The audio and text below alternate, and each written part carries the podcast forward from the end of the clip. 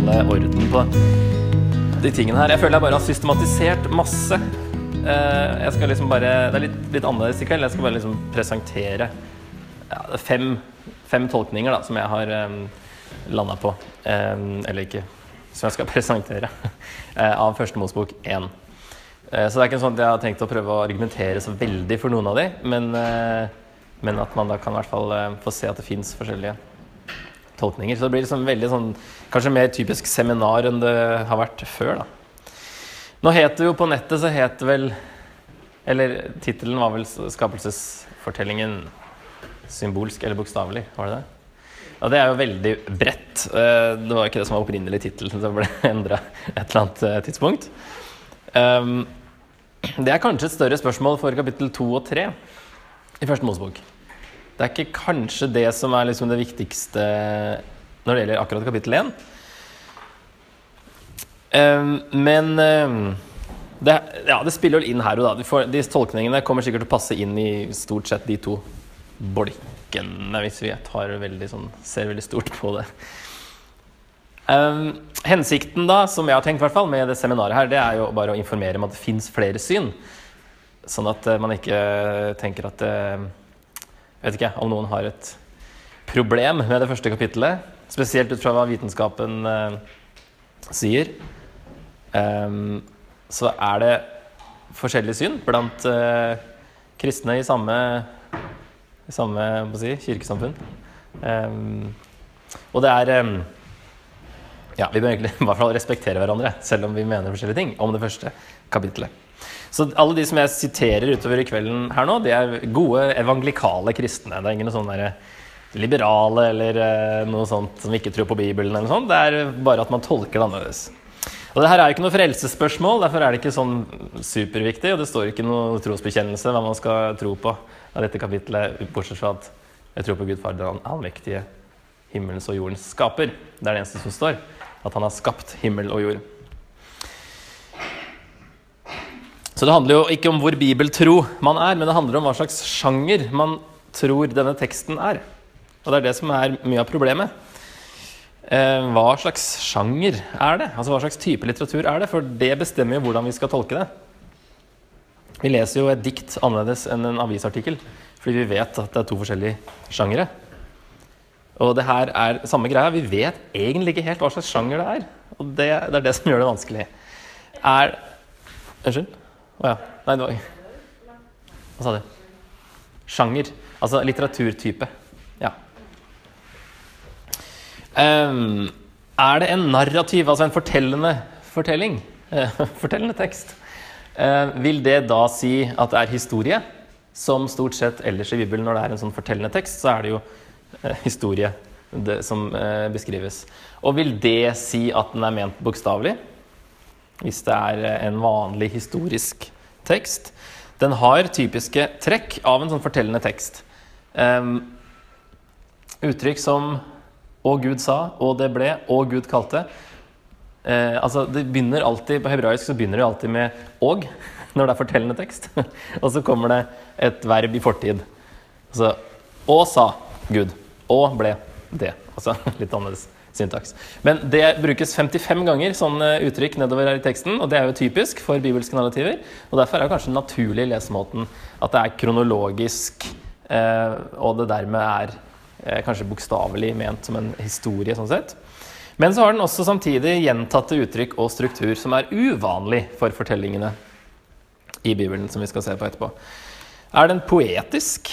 Eh, er det, og vil det da si at den er symbolsk?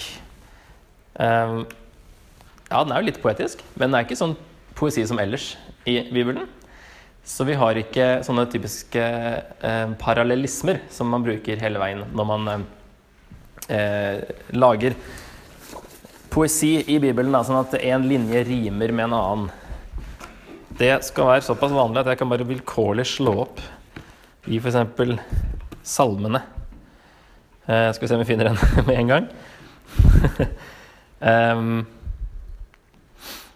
ja, det finner dem med en gang, men det var liksom ikke sånn helt tydelig. Han velsignet dem, og de ble tallrike. Han lot dem ikke mangle fe. Der har vi det at han velsignet dem, er på en måte en parallell til han lot dem ikke mangle fe, altså kyr. For det var en, en eh, tegn på velsignelse. Så det vil si at linjene liksom rimer i innhold. Um, og det skjer hele veien i ordspråkene og salmene og sånne ting. I, altså, altså i poetiske tekster, men skjer ikke her. Derfor er det ikke typisk poesi heller. Er det en oldtidskosmologi som forteller liksom hvordan eh, kosmos ble til, og måten han fortalte det på i oldtiden? Er det en mytisk tekst? For ofte så spilte jo mytologi inn i disse oldtidskosmologiene. Eller er den teologisk? Eller er den vitenskapelig? Bruker jo ikke vitenskapelige uttrykk, så det er litt sånn vanskelig å eh, vite da hva som er ment, hvis det er vitenskap som er hensikten eh, med dette kapittelet. Så noen som har prøvd å formulere det, eh, kalle det for Altså må finne opp et nytt navn liksom, for den sjangeren her, da. De som da ikke mener kanskje at det er en ren eh, fortellende tekst. Så er det en som heter Edward Young, som foreslår at det er en fortellende tekst med opphøyd halvpoetisk språk. En som heter uh, Collins, som sier at det er en uvanlig fortellende tekst pga. den veldig strukturerte måten å si det på. Han kaller det for opphøyd prosanarrativ og at hensikten er kvasiliturgisk. At det er litt sånn litt liturgisk preg over det. Og en annen eh, fransk teolog, Blocher, som sier at det er en sammensatt sjanger. Så det er, det, det er egentlig hovedproblemet. Vi vet ikke helt hva slags sjanger det er. Det gjelder for så vidt de første elleve kapitlene av Første Mosebok. er litt annerledes enn kapittel tolv og utover. Der blir det liksom vanlig, forståelig historie som vi kan koble på um, annen historie utenfor Bibelen, fra Abraham og utover. Men de første elleve kapitlene er litt annerledes. Det går veldig fort fram, og vi kan ikke datere ting eh, like lett, i hvert fall, som eh, etter kapittel tolv. Så det begynner jo liksom ikke Det begynner ikke så lett heller. Kapittel 1 og 2 og 3 er jo kanskje enda vanskeligere. Og så uh, Det at Adam liksom betyr jo menneske, og i, i første kapittel så er Adam både mann og kvinne. Gud skapte mennesket. Som mann og kvinne skapte han dem. Gud skapte Adam som mann og kvinne. Og så utover kapittel 2 eller kapittel 3, det spørs hvilken oversettelse du leser, så er plutselig Adam blitt et egennavn. På et eller annet tidspunkt så blir det et egennavn. Så for kapittel 4 og 5 så er det jo en historisk person. Han fremstilles jo som en historisk person, men i starten så er det liksom litt Da kalles det, oversettes det som regel bare menneske. Eh, så det er, eh, det er, mye interessant i de første kapitlene. Og det er, det er, jo spesielt interessant fordi vi egentlig ikke vet svaret. Altså, de kan fortsatt drive og forske på det og eh, prøve å sammenligne med ting kanskje fra oldtiden som vi kanskje vi finner senere. Ting som gjør det, eh, dette mer klart. Men en rask sånn struktur av hele boka, så ser vi at eh, jeg har satt den første kapittelet der egentlig til kapittel 2 vers 3 er egentlig, det er litt sånn dårlig kapittelinndeling, fordi historien slutter egentlig ikke før i 2-3. Eh, som at denne, dette første kapittelet blir en slags prolog til hele boka. Og det kan vi se fordi alle disse andre eh, ti avsnittene, eller delene, de begynner med 'Dette er slektshistorien til'. Eh, altså, jeg ser mange oversettelsene her. da, Adams slektshistorie, Noahs slektshistorie. Men det står faktisk òg i 2.4 at dette er himmelen og jordens slektshistorie. Det brukes det samme ordet. Og det eh, blir som overskrifter på ti deler utover i Første Mosebok. Sånn at den første kapittelet blir en slags prolog til hele historien. Og da er det jo ikke så uventa at det kan også plutselig være en litt annen sjanger når det er en prolog.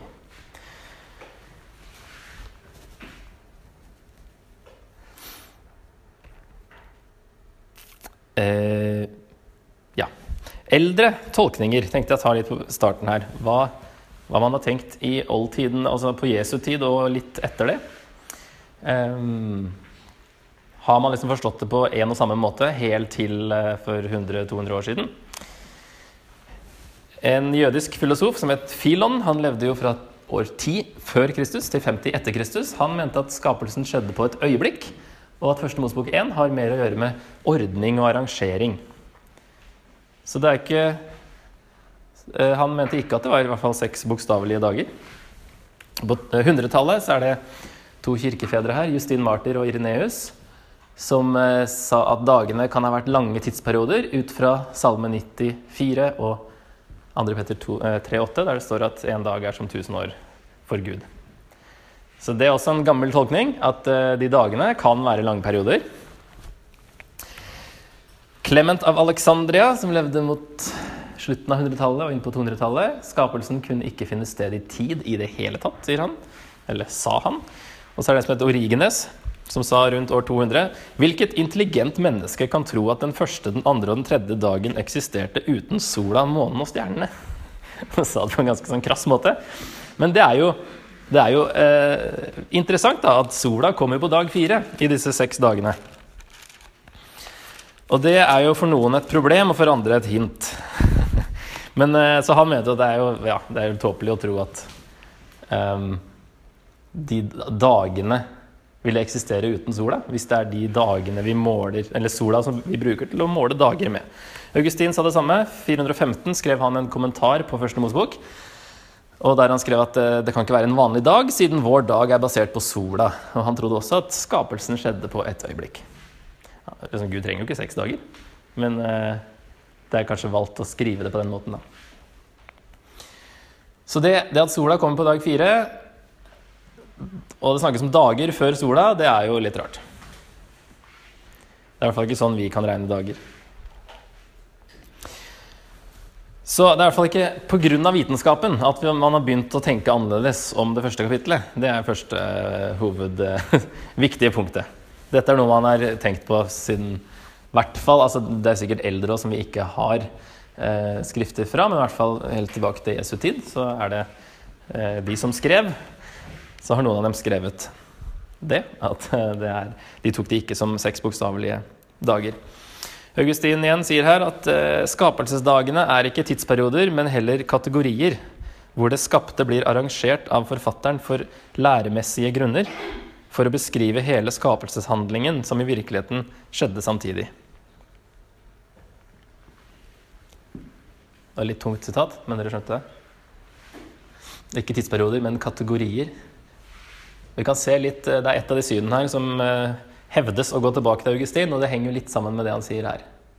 At det er kategorier. Thomas Aquinas, 1200-tallet, han eh, sa da det syn at verden ble til over seks vanlige dager, er det vanligste og ser ut til å passe bedre med teksten på et overfladisk nivå. Men Augustins forståelse er mer rasjonell og forsvarer bedre Den hellige skrift mot latterliggjøring fra ikke-troende. Så det er ikke noe nytte heller. Men han henviste tilbake til Augustin.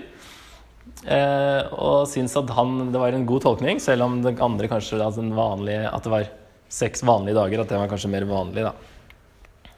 Men på et overfladisk nivå så er det jo det, for du leser jo, det står jo om dager og morgen og kveld og sånne ting, så det, det er jo helt riktig det at det er det inntrykket du får med en gang. Nå er det jo eh, Jeg skal prøve hardt å ikke trekke inn for mye vitenskap i kveld, for det, det er ikke mitt felt. Eh, men det er litt vanskelig av og til. Men eh, vi skal heller bare prøve å se på tolkninger, og så kan dere ta det videre til eventuell vitenskap eller ikke. Men det er jo det mange tenker på når vi ser på det kapittelet her. Så tenker mange med en gang vitenskap, om det, om det passer med vitenskapen eller ikke. Og så er det jo litt vanskelig helt fra første, første verset. I begynnelsen skapte Gud himmelen og jorden. For da tenker vi kanskje himmelen og jorden, altså himmelen og jorden.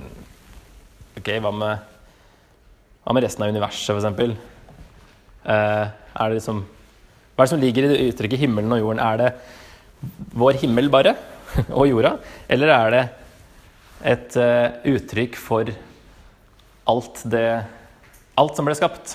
Det er det jo flere som mener at himmelen og jorden, det brukes, som det brukes i Bibelen, så brukes det om liksom alt Gud har skapt. Ikke bare dermed sagt um, det første vi kanskje tenker på med himmelen og jorden. Himmelrommet og jorden, kan vi kanskje si da. Og det er litt mer eh, riktig. Augustin var inne på det også. Skal vi, det, skal vi forstå det som at alt Gud skapte, er inkludert i uttrykket 'himmelen og jorden'? Og at det først nevnes generelt og deretter forklares i detalj hver gang ordene 'Gud sa' forekommer. For alt Gud skapte, skapte han ved sitt ord. Sånn at Gud har ikke sagt noe før i vers 3, er det ikke det? Da sa Gud. Ja, og Derfor tenker man alt han skapte, skapte han ved sitt ord. Det sier også Nytestamentet. Derfor vil de første to versene kanskje være, eller i hvert fall første verset, være kanskje ikke en del av begynnelsen på Ikke, ikke begynnelsen på, på alt eh, på skapelsen, men kanskje er det en oppsummering på et vis. Vi skal se noen forskjellige, forskjellige varianter av det også. Eh, ja, vi tenker kanskje at det er starten på dag én, sånn når vi leser dette her. Eller hvordan har dere tenkt om det? I begynnelsen skapte Gud himmelen og jorden. Jorden var øde og tom. Mørket lå over dypet, og Guds ånd svevde over vannet. Da sa Gud det skal bli lys. Har dere tenkt liksom at Gud skapte først himmelen og jorden, men jorda var tom? Og så begynte han å fylle jorda med ting, liksom? Det er kanskje den mest vanlige tolkningen? Ja. Eh, så det er jo en, måte å se det på. Eh, eller skjedde, at dette skjedde på et uvisst tidspunkt før de seks dagene som, fordi dagene defineres av Gud sa i starten, og så på slutten det ble kveld og det ble morgen. Altså navnet på dagen. Um, ja, han Collins og John Lennox, for de som har hørt om han, holder seg til den der. Um, og da er det jo sånn, vet man ikke hvor lenge før Gud da i så fall har skapt uh, verden. Han Collins han er jo en gammeltestamentlig um, GT-teolog og begrunner det ut fra bl.a. hebraisk grammatikk. At uh, måten verbet står Tids, uh, eller tiden til verbet, verbtiden uh, viser at det er noe som har skjedd allerede. før liksom dagene begynner. Så da at Gud skapte hele universet i, i vers 1, og så fokuseres det på jorda utover i kapittelet her. Eller andre, som John Walton og Bruce Waltke, som også er GT-folk, at det er en forhåndsoppsummering av det som beskrives i resten av kapittelet. Um, ja. Det oppsummeres først, og så kommer det detaljer senere. Der han Waltke, som også er en uh, eh, GT-teolog, han uh, mener at uh, det hebraiske ord for skape det refererer bare til en fullført skapelseshandling. Så det kan ikke bety at Gud i begynnelsen begynte prosessen med å skape universet. Um, det er for så vidt, det henger jo sammen med det han Collins sa, at det er noe som har skjedd i fortiden allerede, men at han mener at det oppsummerer hele skapelsen. At um, skapelsen er ferdig allerede i, i vers 1. Men så er spørsmålet inkluderer det hele kapittel 1, eller er det noe at Gud bare skaper universet før det fokuseres på jorda? Ok, Det er veldig teknisk, men eh, det er, det er litt sånn problematisk allerede i vers 1. Eh, hva, er det en overskrift, eller hva er det for noe? Det er ikke så viktig, kanskje, men for Walton, som vi kommer til i det siste synet han, For han så betyr det at, Gud, at Bibelen ikke snakker om at Gud skapte ut av ingenting. Uh, at det er en, forhånd, for, en, oppsummering av det som, som, kommer, og så tolker han det som uh, at det ikke skapes ut av ingenting, men at Gud gir det som allerede fantes, en funksjon. Det er liksom det femte synet som er ganske nytt og begynner å bli litt populært. Så det skal vi se på til slutt. Kanskje bruke mest tid på det, for det er det man kanskje ikke har hørt så mye om. Og at i begynnelsen mener han refererer, refererer, som oftest til en tidsperiode og ikke til et tidspunkt. Sånn at i begynnelsen eh, kan være hele sjudagersperioden istedenfor et eh, tidspunkt før sjudagersperioden. Ok, Så det første da, det er kanskje det vi er eh, mest kjent med. At dagene er seks 24-timers døgn i en bokstavelig uke. Eh, det hevdes da at dette er den mest naturlige lesemåten, og at det er slik israelittene ville forstått det. Det betyr som regel at jorda er 6000 år gammel. Trenger jo ikke å være det, men eh, det henger veldig ofte sammen med dette synet her. Eh, det at sola blir skapt på dag fire, forklares da med at Gud ordnet lys på en annen måte på dag én. Når Gud Eh, La det, det blir lys, og det ble lys, og Gud skiller lyset fra mørket, kalte lyset dag, og mørket kalte han natt. Eh, at eh, på en måte så har Gud ordna lys før sola kommer på dag fire. Det hevdes jo ofte av de her, som, eller iallfall de mest hardnakka eh, supporterne hadde synet her, at dette er den mest bibeltro tolkningen, og at alle andre ikke tar Bibelen alvorlig. Så det kan ta litt av noen ganger. Eh, Problemet med det synet her, det er jo at ordet 'dag' brukes om hele skapelsesuka, faktisk i 2.4. Her har de oversatt eh, med et annet ord, fordi det må forstås på en annen måte. Dette er historien om himmelen og jorden da de var skapt, på den tid Herren Gud hadde laget jorden og himmelen. Men der står det egentlig 'på den dag Herren lagde jorden og himmelen'. Men siden det ikke er sånn det kanskje skal forstås, så har de oversatt her 'på den tid'. Men dag brukes ikke konsekvent om eh, bokstavelige liksom 24 timers døgn. Og det brukes heller ikke om 24 timers, men altså egentlig bare perioden med dagslys. Det er jo sånn ordet dag brukes her. Motsetning fra natt. Dag og natt. Og selv om dag bokstavelig betyr en dag, det betyr ikke det at forfatteren må ha ment det bokstavelig. hvis dere skjønner den. Det, det, altså, man trenger ikke å henge seg opp i de dagene så veldig. Eh, er i hvert fall en argument mot dette her, da. Eh, for det er ikke sikkert at eh, Ja, han har brukt de dagene i måten han skriver på, men det er ikke med, altså det er ikke viktig det, om det er 24 timer eller ikke. Og så er det jo en stor konflikt med naturvitenskapen, da, som man kan løse på forskjellige måter. Men det er jo hovedutfordringen med det synet her. Ok, så har vi nummer to. Dagene er lange perioder. Eh, vi så her i stad at eh, Justin Martyr og Ireneus, som allerede på 100-tallet mente at det kunne være en dag er som 1000 år osv. Derfor kan det være veldig lange dager. De, nå hadde jo ikke vitenskapen sagt noe så veldig mye om jordas alder på den tida, så de tenkte nok at jorda var 6000 år gammel, men ut fra Hvis én dag er som 1000 år, så blir det seks dager blir 6000 år. Så de tenkte mer sånn enn eh, slektstavler og sånt. Det er vel kanskje det man går etter nå, er det ikke det? Jo. Så de hadde kanskje sa- seks dager, eller 6000 år gammel jord, men eh, kom fram til det ut fra å tolke én dag som 1000 år i stedet. Men hadde jo ikke noe annet å forholde seg til, da, så da var det liksom kanskje det man, man hadde. Eh, her tenker man da at eh, siden dag sju ikke har noe refreng, altså dette med det blir morgen og det blir kveld og sånt, eller kveld og morgen, så pågår den fortsatt. Det er jo annerledes med dag sju. Den, ikke, den avsluttes ikke på samme måte. Og i Johannes 5 så sier Jesus noe som man da tar til eh, inntekt for dette her, når han sier eh, Altså Han hadde gjort noe på sabbaten, ikke sant? helbreda en fyr på sabbaten, og det likte jo ikke jødene. står det. Fordi Jesus hadde gjort dette på sabbaten, begynte jødene å forfølge ham. Men han sa til dem, min far arbeider helt til nå. Også jeg arbeider. Ehm, etter dette var jødene enda mer oppsatt på å få ham drept, for ikke bare brøt han sabbaten, men han kalte også Gud sin egen far og gjorde seg selv lik Gud. Jesus tok til orde og sa til dem, sannelig, sannelig, jeg sier dere, sønnen kan ikke gjøre noe av seg selv, men bare det han ser sin far gjøre. Det far gjør, det gjør også sønnen. Så det han sier her, er at Gud arbeider fortsatt, selv om det er Guds sabbat.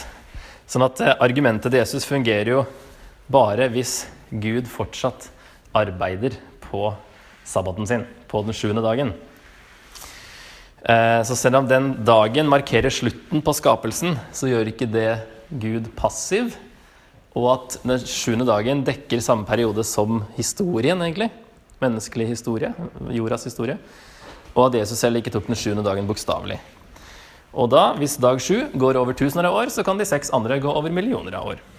Når man da tenker bakover sånn. Eh, ja, vi skal, Før vi tar problemer med den toeren, så skal vi ta treeren, for den henger sammen med, med toeren. Dagene er 24 timers døgn, men med lange perioder mellom hver dag. Så istedenfor at hver dag er en lang periode, så er det bokstavelige dager, men lange perioder imellom. Um, et slags mellomting, kanskje, mellom én og to, men kommer mye nærmere toeren da, med, når det kommer til vitenskap. Og her har vi John Lennox. Han eh, mener det. Eh, på hvert stadium av skapelsen tilførte Gud et nytt nivå av informasjon og energi inn i kosmos for å avansere skaperverket til neste nivå av form og kompleksitet. Kløften mellom uorganisk og organisk materiale understrekes i Første Mosebok ved at Gud på dag tre talte to ganger. Dette karakteriserer også dag seks, da Gud også taler mer enn én gang. Du kommer deg ikke over verken kløften mellom ikke-liv og liv, eller kløften mellom dyr og mennesker ved tilfeldige naturlige prosesser. Så han mener jo at vitenskapen eh, sier det samme her, at eh, på de, de, punktene der i utviklingen så må Gud ha grepet inn. Eh, problemer med disse to er da Hva med sola på dag fire? det er fortsatt et lite problem. For det passer ikke helt. Um, en som da holder seg til uh, dette syn nummer to, at det er lange perioder. En astrofysiker som heter Hugh Ross. Han jobber for uh, Reasons to Believe. Har en nettside med masse stoff der. Han sier da det sies ikke at Gud skapte lyset. Hvorfor er jorden mørk hvis lys eksisterte i universet ettersom materie og energi allerede var skapt?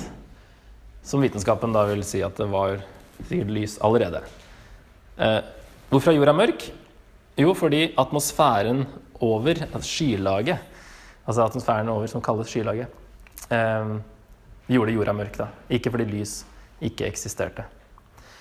Så de eh, mener at på dag fire så forsvant dette eh, skylaget, og da kom sola til syne. Og derfor eh, eh kan vi da få det til å henge sammen med det vitenskapen ser ut til å si. Han mener han finner noe støtte for det i Jobbs bok. Eh, problemet der er at det er en poetisk tekst til de grader, så det spørs liksom hva som er ment der, da. Um, han mener også da, at det står 'Gud laget' eh, de to store lysene. som det står. Han kalles jo aldri sol og måne, for da fikk man med en gang assosiasjoner til eh, andre guder som het liksom sol og måne, og som man tilba. Og det kan vi komme til litt etterpå, at det er nok et poeng kanskje hos forfatteren at han eh, unngår alle sånne, det som kan være gudenavn, for å få fram at Gud har skapt alt det her. Eh, og uten å trekke inn noen sånne andre guder. Hadde guder for alt mulig. ikke sant? Havet eh, og ja, sol og måne og hav og stjerner og sånne ting. Og Derfor er det sagt på en annen måte, for poenget er at Gud er over alt det der og har skapt alt. Eh, så han mener at, eh, at, eh, ja, at, verbformen her beskriver noe som allerede har skjedd, men som da blir synlig på dag fire. Sånn at det kunne kanskje stått 'Gud hadde lagd sola', og så kom den til syne. Jeg fant ingen oversettelser som oversetter det som noe annet enn at Gud lagde, eller Gud gjorde, eller God made de to, de to store lysene, sol og måne. Så det er ingen som har i hvert fall oversatt det på noen annen måte som får det til å høres ut som at det har skjedd tidligere enn på dag fire. Og så brukes også ordet for å komme til syne. Det brukes faktisk i vers 9. Eh, og ikke om sola, men det brukes om eh, det tørre landet skal komme til syne. Så det kunne vært brukt igjen da om sola. ikke sant? Sola kom til syne hvis den allerede var skapt. Så det er et problem for den tolkningen der. Um, andre innvendinger som jeg fant eh, Googla litt rundt. Fristelsen til å tolke hvert bibelvers og strekke ord og uttrykk slik at det passer dagens vitenskapelige bilde, er jo et problem. da. F.eks. at ord som betydde fugler og planter for israelittene redefineres for å møte moderne vitenskapelige kategorier. Og Man kan gå glipp av andre viktige poeng i teksten når man leser den vitenskapelig, og liksom bare vitenskapelig. Tolkningen kan måtte endres i lys av vitenskapen. Hvis vitenskapen endrer seg, så må man plutselig endre tolkning av dette kapitlet. Er det noen som har hørt om the gap theory? For den er jo ikke så veldig kjent nå, fordi den har dødd ut fordi vitenskapen plutselig motbeviste den. Men det var litt hang sammen med det første kapitlet, nei, første verset. At man begynte å oversette det er vel begynnelsen av 1800-tallet, tror jeg. At man uh, mente at det kunne oversettes jorden Eller vers 2, unnskyld. Jorden ble øde og tom. At Gud skapte alt, og så skjedde det et eller annet sånn eh, kataklysmiske greier. og så jorda ble øde og tom. Og så handler de eh, seks dagene om at Gud gjenskaper. Eh, og da kunne man få millioner av år imellom. Ikke sant? Imellom eh, i, i, vers to der, med at Gud jorden ble øde og tom, og så etter det en gang så skapte. Men for det første så er det dårlig hebraisk si, oversettelse fra hebraisk, visstnok. Um, og så er visst blitt Vitenskapen har vel sagt noe annet uh, uansett. Passer kanskje med vitenskapen i dag, men det var trolig ikke slik israelittene ville forstått det. Da kan du lure på hva var egentlig hensikten da, til forfatteren. Og hvis de ikke ville forstått det sånn, for siden de ikke hadde den vitenskapelige eh, bakgrunnen som vi har, hva var da hensikten til forfatteren? Var det sånn skrive en tidløs tekst som vi ikke kommer til å forstå før mange tusen år fram i tid, og som ennå ikke er helt forstått? Eller var det noe som kommuniserte direkte til de det var opprinnelig skrevet til? Og Forskjellene mellom første Mosebok kapittel 1 og kapittel 2 kan være et argument mot disse tolkningene her, da. For der er det jo ofte det jo, Man vet jo godt at eh, Eller man kaller det for to skapelsesberetninger i kapittel 1 og 2, og at de motsier hverandre, er liksom vanlig å tenke. Men at man av en eller annen grunn har valgt å holde de ved siden av hverandre i, helt siden starten. De står ved siden av hverandre. Det er liksom Kanskje vi finner motsigelser fordi vi ikke skjønner sjanger. Um, kanskje det eh, Ja. Siden hvis det er samme forfatter som har skrevet det, i hvert fall, eller i hvert fall det alltid stått ved siden av hverandre, så er det ikke sikkert det er en selvmotsigelse. Så istedenfor å tenke at uh, Bibelen tar feil, så kan vi tenke at vår tolkning kanskje er feil. Ok? For nå, det her var kanskje mer kjent enn det som kommer nå. Eh, det fjerde er det såkalte rammeverkssynet. Jeg har ikke funnet noe bedre norsk ord for det, men det er egentlig bare oversatt fra 'framework view'. Så det er ikke sikkert 'rammeverk' er det beste ordet på norsk. Men eh, der mener man at sjudagersstrukturen er en litterær ramme. Dagene presenteres som vanlige dager, men det betyr ikke dermed en bokstavelig uke. I stedet får teksten en litterær struktur hvor skapelsen fortelles tematisk og ikke kronologisk. At dagene er som bilderammer. Eh, vi så jo allerede at han Filon han mente jo at det hadde med ordning og arrangering å gjøre. Han eh, hadde nok ikke det synet her sånn fullt ut, men i hvert fall, det kan muligens en del av det spores tilbake da, til, til han. Um, men her er det man mener at Augustin mente noe av dette her. I hvert fall så kan det gå tilbake til middelaldersk tradisjon. I hvert fall til tusentallet. Og igjen da før vitenskapelige oppdagelser. um, som noen vil mene at det her er et forsøk på å liksom uh, redde Bibelen fra vitenskapen. da. Men det spores òg uh, kanskje tilbake til Augustin, og kanskje enda lenger, men i hvert fall til tusentallet.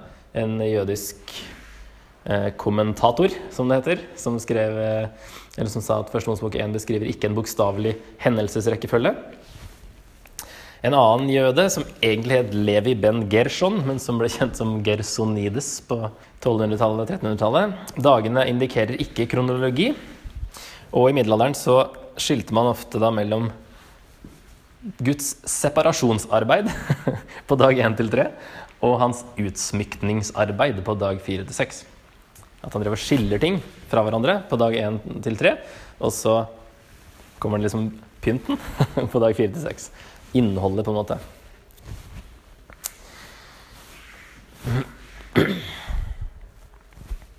Eh, og her er det en som heter Gordon Wenham, som har skrevet en kommentar på Første Mosebok. Som sier at det har vært uheldig at ett verktøy som vår beretning bruker for å uttrykke sammenhengen og målrettetheten i skaperens verk, nemlig fordelingen av de ulike skapelseshandlingene på seks dager, har blitt grepet og tolket overbokstavelig, faktisk. Ikke bare bokstavelig. De seks dagene er kun ett av mange midler som brukes i dette kapitlet for å understreke systemet og ordenen som har blitt bygget inn i skaperverket. Er hans syn. Eh, og her tenker man da at Forfatteren er nødt til å bruke metaforer og menneskelig språk, slik at leseren kan forstå. Når teksten sier at Gud sa, bød, kalte og så, at Gud så at det var godt, er dette menneskelige uttrykk for sannheten om at Gud skaper. Hvis Gud beskrives på en menneskelig måte, kan ikke da dagene og andre aspekter også være menneskelige? Fortsatt ligger det nærmere historie enn poesi. Og her er ikke eh, sola på dag fire noe problem, men et hint om at teksten ikke skal leses kronologisk. Og at poenget er at Gud er kilden til lyset. Um, så i stedet for å prøve å finne en løsning på hvorfor sola ikke dukker opp før på dag fire, så er det egentlig bare å ta det som et hint.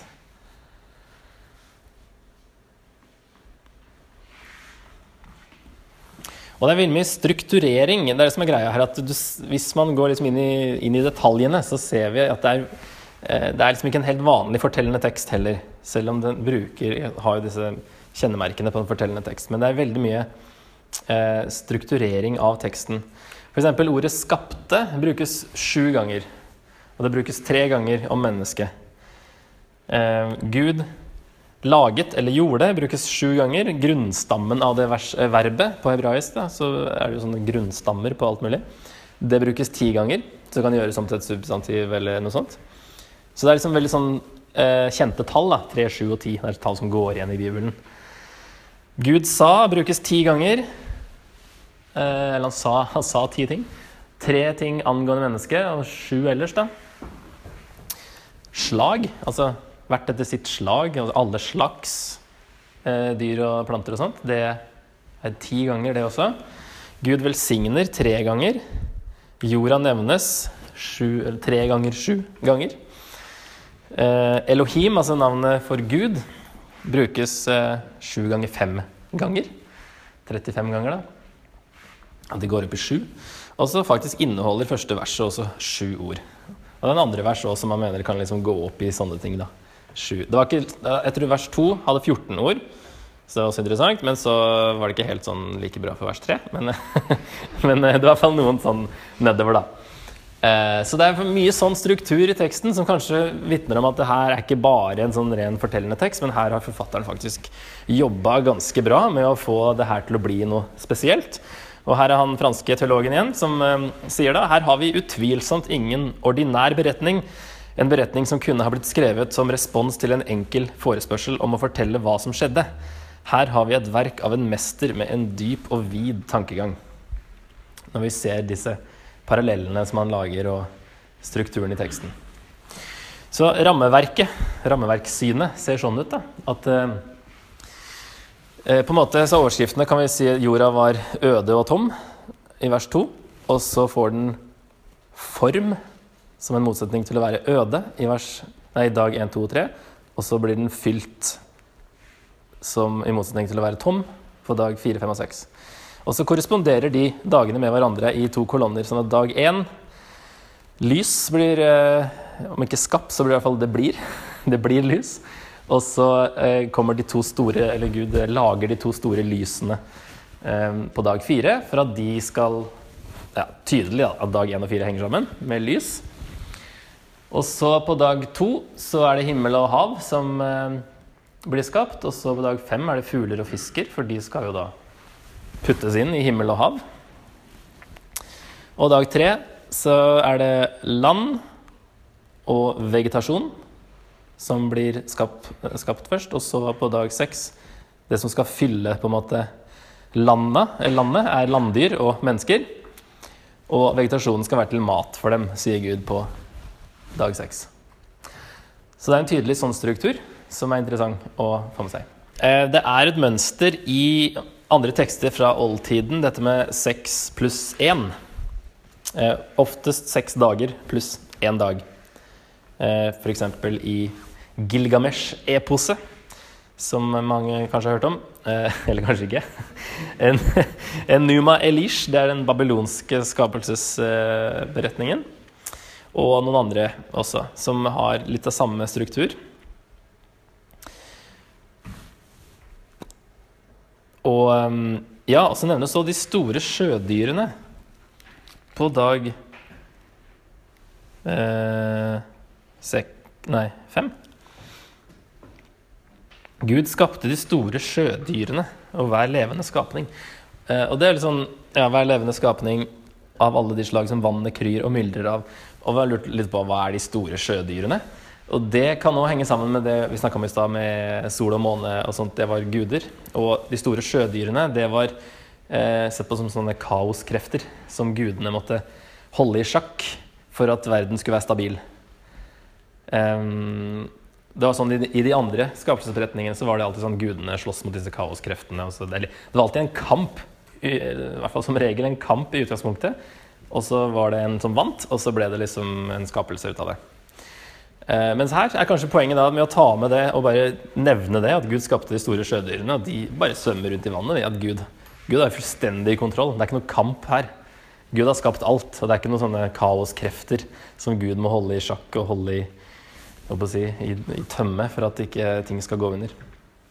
Så det tyder kanskje på at, eh, at det er noe sånn, en sånn eh, En kontrast da, til andre skapelsesberetninger.